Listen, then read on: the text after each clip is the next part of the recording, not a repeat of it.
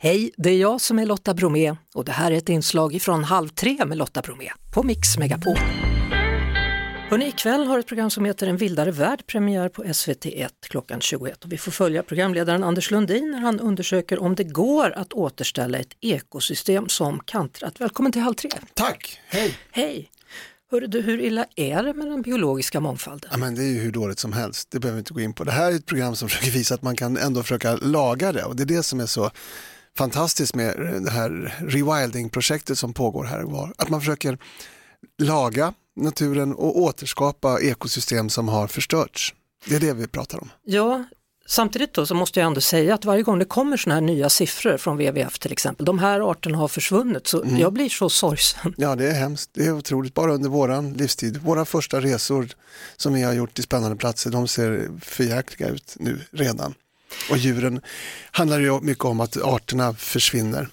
Så det är otroligt deprimerande och det har försvunnit under lång tid. Det är massdöd som har pågått länge och som nu har accelererat. Men rewilding är då ett litet ljus i mörkret där man dels försöker återskapa, det finns positiva projekt. I Sverige hade vi inga bäver för hundra år sedan. Den har återkommit. Vi hade ingen varg för kanske 40 år sedan. Den har kommit tillbaks. Och, så det finns ju ljus i mörkret. Mm. Och här försöker man till och med återskapa, det som är viktigt i det här projektet är att eh, stora gräsätare kan påverka mm. ekosystemet. Så man försöker introducera, återintroducera hästar, uroxar och visenter har vi varit och tittat på. Ja, för det första programmet, det handlar mm. om de stora gräsätarna. Yep. Va, va är, varför är de viktiga? De, de, eh, man pratar om ett öppnare landskap ibland och då är det att skogen ska ju inte vara liksom helt igenvuxen där längst ner utan det ska ju vara någon som har betat av det och det gör till exempel Vicenter som äter en massa saker, sen går de och bajsar, då finns det massa mm, insekter som lever i bajset, som, som blir det flugor, så kommer det fåglar och fåglarna dör, då kan andra djur äta upp dem. Så att de är otroligt viktiga för att få igång eh, ekosystemet och de förhindrar också gräsbränder eftersom det blir mindre sly som mm. kan ta eld. Det är totalt fyra avsnitt i den här serien då. Mm. Vad mer kommer du ta reda på? Eh, sen, det här är ett otroligt spännande projekt faktiskt. Det, man har ju pratat om att återskapa mammutar, det är kanske lite väl fantasifullt. Men man jobbar på riktigt och på allvar med att återskapa uroxen.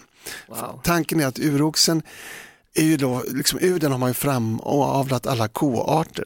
Och då finns ju uroxens gener där i alla koarter. Så om man avlar bakåt igen så kommer man ju få fram någonting som är bra likt en uroxe och som skulle kunna göra ett fantastiskt jobb i naturen. Mm. Äta gräs och bajsa, skrapa upp jord, göra massa boplatser för andra djur och till sist ramla ner och dö och bli mat till asätare. Anders Lundin, ja. det känns ändå tryggt att veta då att det här är ett positivt program. Det är ja, det, man ska det. ta till ja, men sig. Det är, absolut, det här mm. är ett äh, litet ljus i mm. decembermörkret. Ja det är det. SVT ikväll alltså 21.00, En vildare värld. Tack för att du kom förbi. Ja, det var slut så. Det var det. Vi hörs såklart igen på Mix Megapol varje eftermiddag vid halv tre. Ett poddtips från Podplay. I fallen jag aldrig glömmer djupdyker Hasse Aro i arbetet bakom några av Sveriges mest uppseendeväckande brottsutredningar. Går vi in med hemlig telefonavlyssning och, och då upplever vi att vi får en total förändring av hans beteende. Vad är det som händer nu? Vem är det som läcker? Och så säger han att jag är kriminell, jag har varit kriminell i hela mitt liv men att mörda ett barn, där går min gräns. Nya säsongen av Fallen jag aldrig glömmer på Podplay.